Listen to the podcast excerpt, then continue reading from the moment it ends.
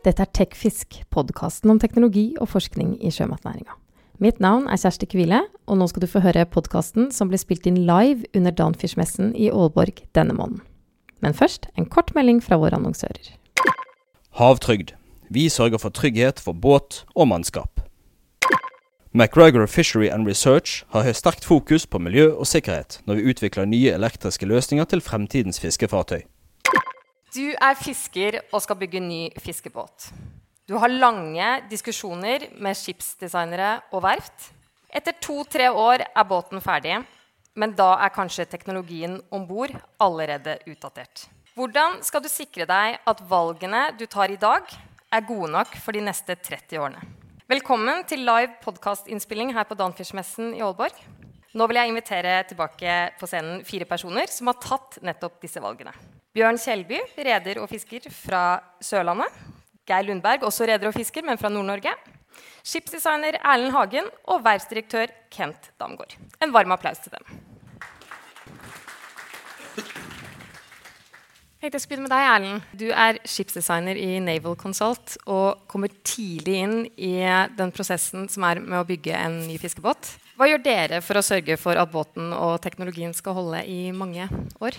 Eh, vårt hovedfokus er å få et godt bilde av hva er det denne rederen er på jakt etter å jobbe med. Har, alle har jo forskjellige kvotesett, og de fleste har forskjellige måter de ønsker å drifte båten på og fangste denne fisken. De har forskjellige ideer om hva slags produkt de ønsker å levere. Og det er helt essensielt for oss å ha forståelse for dette.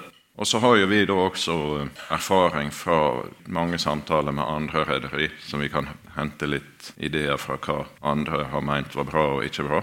Og når du sier det her med hva er det som er future proof, for å si det slik, så er jo det noe som en bare til en viss grad kan avgjøre. Det er åpenbart i tiden nå at å få til et redusert drivstofforbruk, og dermed bedre eh, økonomi, det er future-proof. Det er jo ingenting som skal gå den andre veien. Alle vet at eh, det vil bli strengere krav til mindre utslipp, strengere grenser, høyere avgifter. Dette vet vi. Men markedet det er jo litt vanskelig å forutse. Eh, bortsett fra at vi kan forvente at det blir stadig strengere krav til kvalitet. Det er vi også avhengig av hvis vi skal få opp verdien på den fangsten som blir tatt. Vi kan jo ikke bare fiske mer. Det ser vi rundt omkring i verden hvordan det går. Så vi må få opp verdien på det som blir fangsta. Men akkurat når det går fra fisketype til fisketype, vandringsmønster, eh, fangstperioder, kvotestørrelser dette er jo eh, ukjente variabler som rederne må forholde seg til hele tida. Og det valget med om en reder skal fokusere på én type fiskeri eller en annen, det er en, et veddemål som rederen egentlig må gå inn i. Det er kanskje litt vanskelig å vite hva man skal om 30 år på, ja. på feltet. Eh, vi skal tilbake både til grønn teknologi og, og kvalitet. Og, men jeg tenkte å høre med deg, eh, Bjørn. Hva var viktig for deg da du begynte og bygde om eh, nybygget Nordsjø, som ble ferdig i sommer? Det var å få en båt som var god nok så fort som mulig. var det spesielt? Enkelt, enkelt sagt. Eh, jo, det var det. Vi, hadde, vi, visste hva vi måtte ha for å kunne avvikle et fiskeri. Og så var det kjempa mye om å få trykt alt det vi trengte inn i en båt som var mindre enn den vi hadde. Det var det som var fokuset. Det kosta mer enn vi hadde planlagt, men hva er det som ikke gjør det i båtbyggebransjen? Eh, og det tok litt lengre tid enn eh, vi hadde forventa, men jeg eh, syns det har blitt godt til slutt. Hvor lett var det å tenke på fremtiden og hvor mange år dette her skulle planlegges for? Det kunne være fint hvis vi kunne bytte den ut om to år. Det er vel det det tar å bygge en ny en. Så ja, jeg tror det er en kjempebåt. Det, meste er basic. Det er en enkel båt. Billig i drift og seiler forholdsvis hurtig til å være den størrelsen. Så vi har en båt vi i teorien kan bruke lenge, da, men eh, det konseptet vi har lyst til å finpusse, det har en bitte, bitte grann annen form enn, enn det vi har nå. Eh, derfor så kikker vi litt på eh, nybygg da, for å spisse konseptet vårt helt. Hva med deg da, Geir? Hvordan tenkte dere med nybåten Odd Lundberg? Ja, hva vi tenkte? Det, vi ville ha en, en, båt som var større enn den vi hadde. Og som jeg sa i presentasjonen min her, som har jeg alltid ønska at vi hadde kunne ha begge brukstyper med oss, både not og trål. Det har vi nå endelig fått, og er dermed blitt eh, mye mer effektiv på sjøen. Vi eh, fikk oss etter hvert ganske store kvoter på kolmule og ting som gjorde at vi eh, trengte mer lastekapasitet når vi skulle fiske vest om Irland. Og det er tøffe havområder å være i, så vi trengte en større båt og en trygg arbeidsplass for mannskapet. Og så, eh, når eh, de to eh, sønnene mine kom og hadde lyst, så skulle iallfall ikke jeg være den som sette meg ned og knepte hender og sa det her skal vi ikke gjøre. Så det var en veldig stor medvirkende årsak til at vi gikk videre. At de ønska å fortsette, og det var viktig. Jeg mener jo vi har fått en båt som tilsvarer de ønskene som de hadde òg framtidsretta. Hvordan var dere involvert eh, i dette, da, Kent? Eh, det man kan tilføye, det er jo så, øh, som Geir sier, med, med, de to sønner der er i rederiet, de er øh, det er jo mer enn bare sønner. Det er jo øh, unge mennesker som har vært med til mange ting og har rigtig, rigtig mange ideer fremadrettet. Så de, de stilte målet høyt, kan man si, og ble ved med å stille målet høyt. Og det gjør at båten den er som den er i dag, kan man si, et, på en eller annen måte en milepæl og et målestokk. Ja, for det forrige nybygget som dere fikk i rederiet, Geir, det var jo kom ferdig i år 2000? 2000, ja. Vi kom hjem sommeren 2000. Den var bygd i Portugal. Det var eh, også en bra båt, men den var bygd etter regelverket.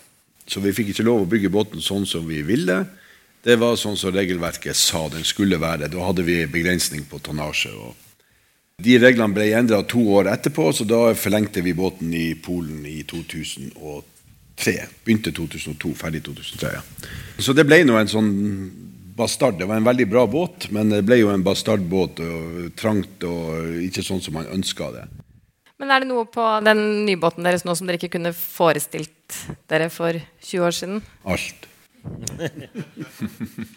Nei, det, det, det, er sånn himmelvid forskjell på denne båten og det vi bygde i 2000. at uh, vi, den, Han funka jo, vi gjorde jo alt, det, men det er mye enklere og du er mye mer effektiv. Og ikke minst størrelsen, at du får, får med deg mer per liter olje. og og det her med lyddemping uh, og komfort og alt er jo uh, vidt forskjellig fra de båtene vi hadde.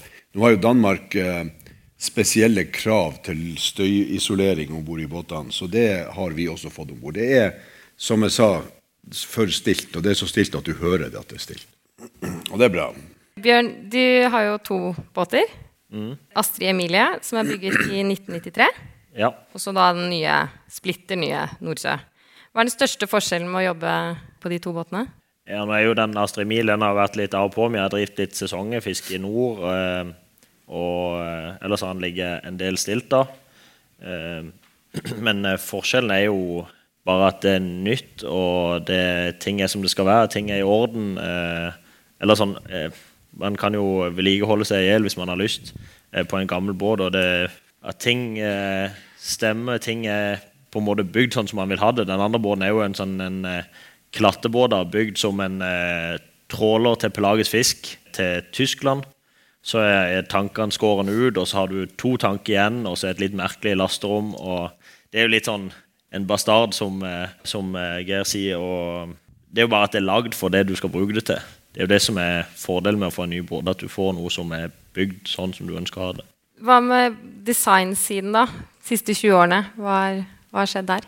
Det har jo vært ei kontinuerlig utvikling. Det det har handla mest om, kanskje, er jo at eh, disse rederiene har jo tjent penger og evner å finansiere opp større båter. Og så har myndighetene da selvfølgelig spilt eh, en helt eh, Det hadde jo vært umulig å få til de båtene vi har nå hvis ikke regelverket var blitt endra underveis. Og dette er jo noe som også er til eh, bryderi for rederiet, at de vet jo aldri hva, hva tid de får bygge hva slags båt. For 20 år siden da snakket en jo om 70 fots båter, og det var begrensning på 150 kubikk lasterom. Rederne de ønsker selvfølgelig å ha så masse, et eh, så godt verktøy som mulig. så Det, jo, det har jo alltid vært pressa, disse reglene. Det ble brukt eh, gummibauger for å få egentlig en litt større båt enn det som var lov. En bygde ekstra lasterom og kalte det noe annet. Så det har vært gjort veldig mye rart opp gjennom tida. Men det som er fint i dag, det, det er noen Det er noen kvoter som fortsatt er begrensa på lengde. Men i Norge i dag så, så har en i praksis for de fleste en begrensning, når vi snakker om kystflåten iallfall, på 500 brutto registertonn for de som ønsker å bruke båten uten eh, spesielt sertifisert mannskap. Og så kan du gå utover det hvis du har tilgang på det, men du har uansett en begrensning på 500 kubikklasterom. Der har de justert noe nå også. Men disse endringene her underveis har jo definert den utviklinga som har vært mulig å få til. Og så langs med så har det da kommet inn muligheter for bedre system om bord, større utstyr, mer plass til fabrikk, eh, større mulighet til å levere et, mer, et bedre produkt, mer videreutvikla produkt, og nå også miljøhensyn. Kent, hvordan jobber dere annerledes eh, nå i dag enn tidligere? Det var et godt spørsmål. Jeg vil, jeg vil ikke mene vi arbeider annerledes. Altså, vi har fått noen verktøyer som Erland Allan viste med CFD-beregninger med at man kan optimere skrogfasong mye bedre, enn man kunne for 20 år siden. Man hadde også modelforsøg for 20 år siden. Men modelforsøg det er en konstatering, det er ikke en optimering. Men man har fått noen, noen elektroniske verktøyer der gjør at man kan optimere skrogfasong på en helt annen vis. Så det, det, er måske et av hovedpunktene hvor vi arbeider annerledes. Men ellers så arbeider vi opp med kundene på nøyaktig samme vis som vi gjorde for, for 20 år siden. Selvfølgelig med en annen erfaring, og, med, og redderne har en annen erfaring. Men, men prinsippene er de samme.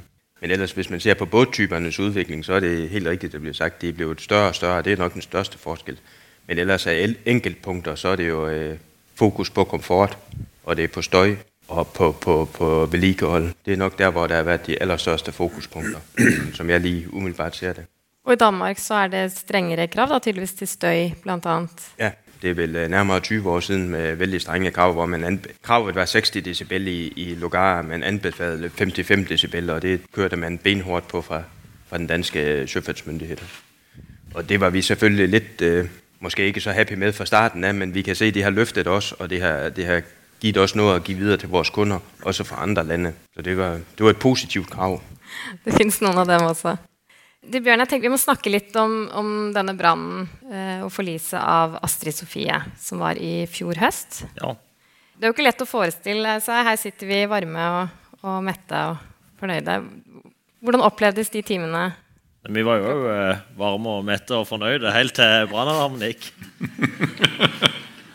Så eh, hva skal si, Det er jo en veldig utenkelig opplevelse. Og det gikk eh, bare sinnssykt mye fortere enn det man overhodet kan forestille seg. Det gikk jo fra en mayday hvor vi spurte om assistanse for å slukke brann, til eh, en mayday hvor vi sa vi blir nødt til å evakuere fra båten, for vi kan ikke være om bord eh, på noen få minutter. Og vi var vekk fra båten eh, etter 11, 10 eller 11 minutter. var vi vekk fra båten, Og da var halve styrehuset allerede smelta. Så det er bare helt eh, vanskelig å forestille seg. og Det kom jo en havarirapport som selvfølgelig ga litt tyn til oss pga. vi var egentlig ærlige istedenfor å si altså dagboka brant opp der øvelsene sto. og sånne ting, Men brannøvelse det hadde vi ikke hatt. Vi hadde snakket om det, men vi hadde ikke hatt noen eh, fysiske brannøvelser. Og det fikk vi jo litt tyn for, selv om det hadde ingen betydning i den situasjonen. Vi var et veldig godt drilla mannskap som samarbeida godt og gjorde det vi kunne, men det var bare ikke noe å få gjort med det. Eh, ellers så er det jo bare en 27 sider lang rapport hvor det egentlig ikke står noen ting. de prøver hardt å si at uh, det finnes mange ting på en fiskebåt som kan brenne, og det er viktig å tenke seg om. Men, uh, og jeg burde ha tatt en prøve av hva som var inni den veggen som var bygd opp. Men eh, man skal være rimelig paranoid for å gå og bore hull i veggene for å se om det faktisk er den isolasjonen som de sier at er satt i en helt ny båt. Så den brannen, det, liksom, eh, det må en ta inn over seg. Det skjedde, og det skjedde på et tidspunkt hvor vi hadde en fantastisk god drift. Eh, vi hadde et godt, godt moment, men det skjedde, og du får ikke gjort noe om på det. Og så liksom, har fokuset bare vært framover. Og jeg tror det at vi på en måte gikk sammen, alle som, som var om bord. Resten av mannskapet, vi, vi slo hodene sammen. Og de har vært veldig delaktige i å gjøre den nye båten klar. Eh, hvordan vi skal bygge den opp, og eh, hvordan vi skal gjøre alle de forskjellige tingene om bord. Og det tror jeg har vært med en, en super eh, hva skal jeg si, framgang da, for å fordøye det, eh, det som skjedde. da. At eh, Fokus på framover. Det som skjedde, det skjedde. Vekk med det. Det er liksom tilbakelagt, og så veien videre. Men vekk med det. Altså, har dere lært noe som dere tar med dere videre? ja, Vi har jo det. F.eks. Eh, teknikkrom, da, som er der eh, vi som mannskap har, er enige om at det er der vi trodde det begynte. da. Eh, at eh, et teknikkrom på en båt, da, sånn som det er blitt nå, som er så moderne Vi snakket litt om bordet i stad. Det er merkelig at ikke det blir betegna som et maskinrom og har samme krav som et maskinrom med så mye, altså Du har 20-30 datamaskiner om bord i en båt som er trykt inn i et lite rom eller i en pult. eller et eller annet sånt. I et maskinrom så er det liksom alt tilrettelagt med slukkesystem, og det er system på system på system. Men eh, et lite teknikkrom med et PC full av støv det er det liksom ingen som bryr seg om. Eh, det er bare et, eh, et sånn et teknisk rom.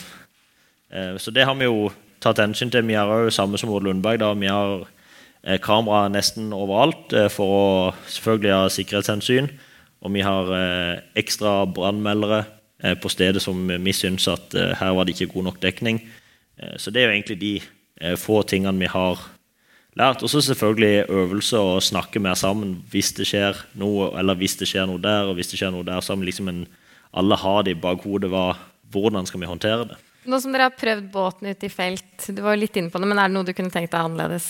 Nå som dere har fått testa? Noen flere meter. okay. Nei, eh, båten fungerer godt. Eh, vi merker at den er litt mindre som båt på havet. Men eh, kapasitetene sånn, i forhold til å ta unna fisk og behandle fisken på en ordentlig måte, de syns jeg er til stede. Og vi har fanga ok med fisk, og vi har fått veldig godt betalt for fisken.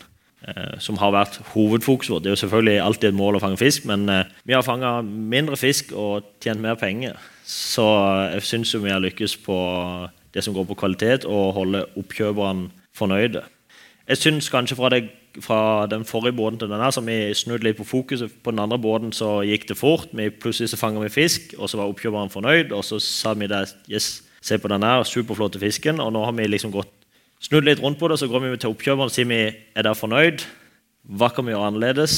Er det noe dere syns at eh, vi kan gjøre for å kanskje tilfredsstille dere enda mer? Og så har vi på en måte sparra eh, mye sammen og prøvd å etterleve de sine krav.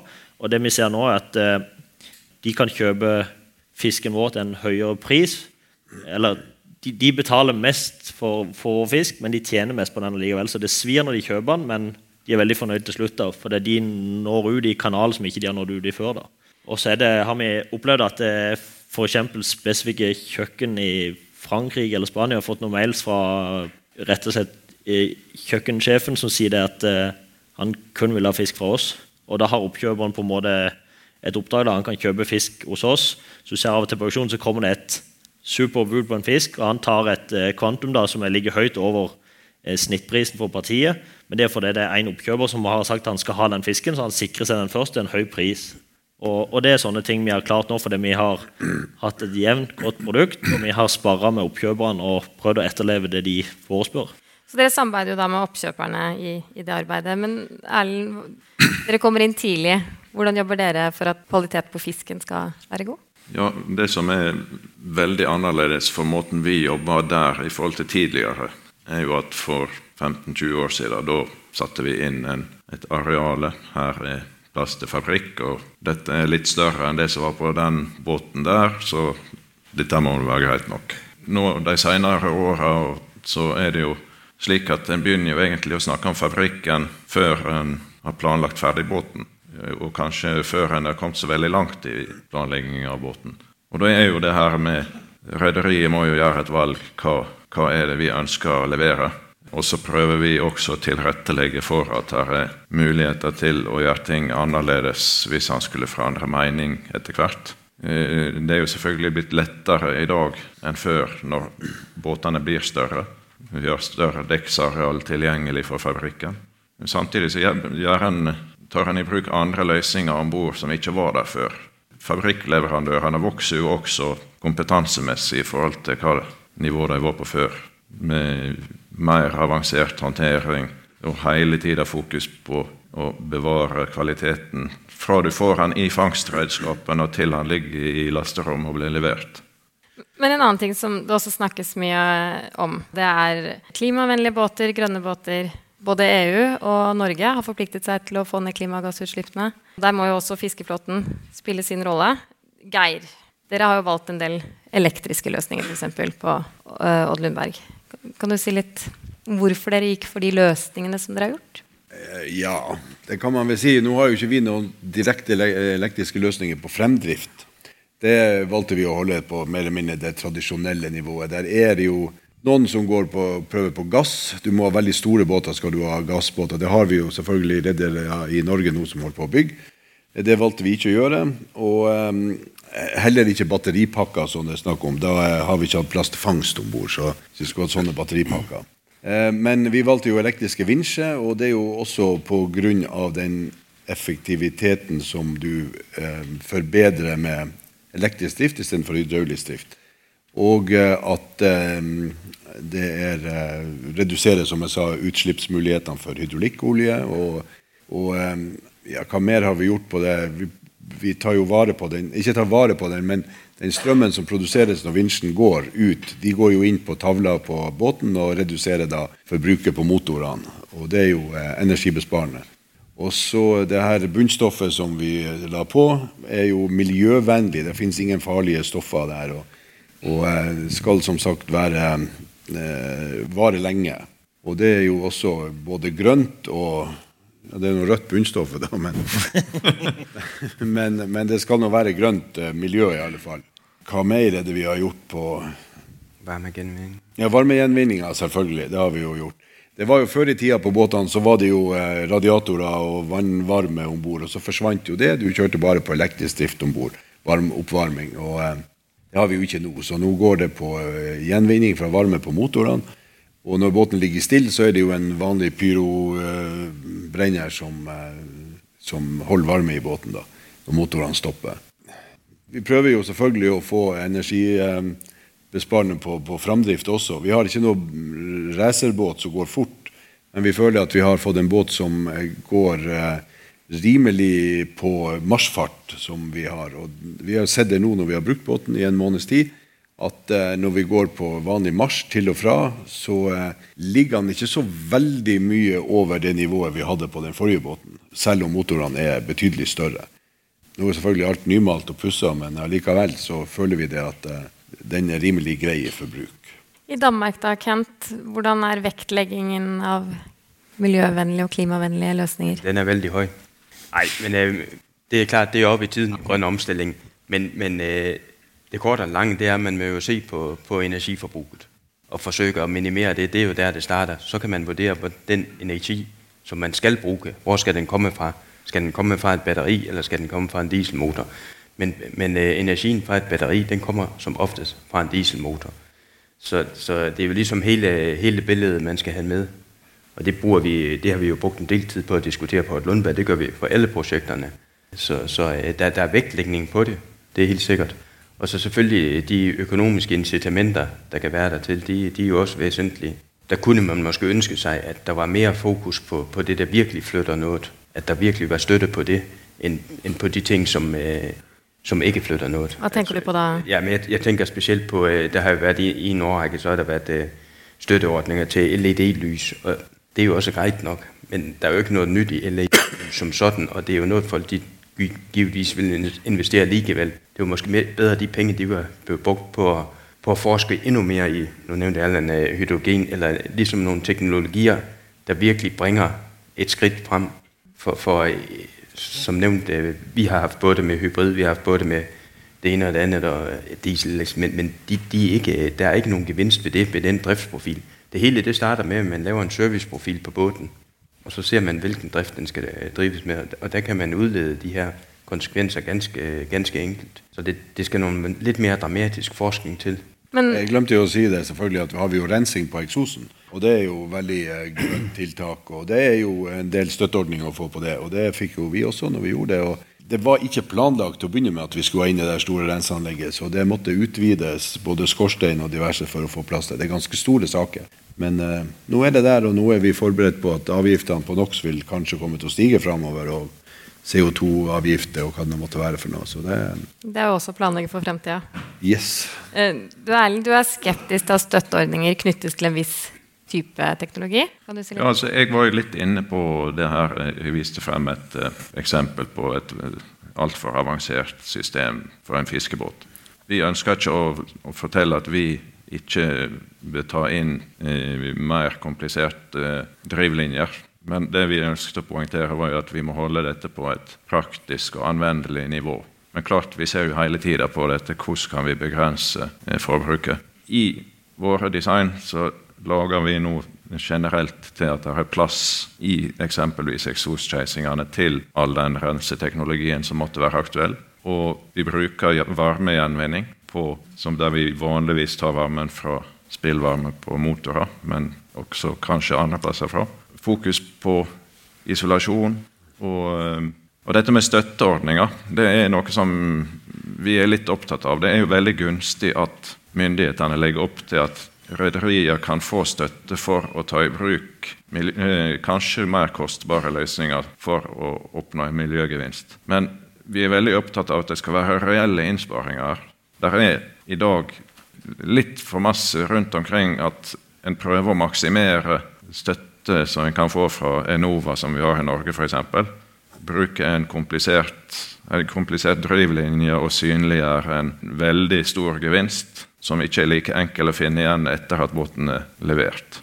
Men det er overkompliserte drivlinjer og sånne ting. Det er jo litt som eh, biler som har den der eh, gode gamle start-stopp-funksjonen når du trykker inn kløtsjene i krysset. Altså, det er jo ingen som ser eh, Det er jo ingen fordel når du sitter i bilen, men det senker jo utslippene enormt på en bil. Og det er sånn litt med batteri på en båt òg. Jeg tror jo det at det er back to basic som fungerer, og så heller jobbe derifra og framover istedenfor å skulle fylle halve båten med batteriet. Og så kan du kanskje flytte båten et tak fram i havna på batteri uten å starte hovedmotoren. Men det har du jo ingen fordeler sånn i det store og det hele. Jeg tenkte jeg skulle bare avslutte med et siste spørsmål som alle, hver og en av dere kan svare på. Hvis vi skal trekke frem én ting som vil være essensielt med en fiskebåt i framtida, hva vil det være, Kent? Det vil være sikkerhet. Fordi fiskeriet de har samme udfordringer som, som landbaseret anlæg. Det er, at man skal tiltrække unge mennesker. Og for at kan tiltrække unge mennesker, så skal man kan tilbyde dem en sikker arbejdsplads. Der kommer andre ting med komfort osv., men først og fremmest så er det sikkerhet. Ja, jeg tror jeg er enig i det at det går mye fokus på, på sikkerhet. Og i våre tanker selvfølgelig også på kvalitet, som han har vært mye inne på. Må være, du vil jo hele tida gjøre det bedre enn det du har gjort. Så det siste du får å anskaffe deg, enten en bil eller en båt, eller hva det måtte være, skal jo liksom være bedre enn den du hadde hele tida. For vårt vedkommende så går jo det at vi skal kunne levere kvalitet, som han har prata en del om i dag. Og sikkerhet og kvalitet og ja. Er det noe tilbake til deg da, Bjørn?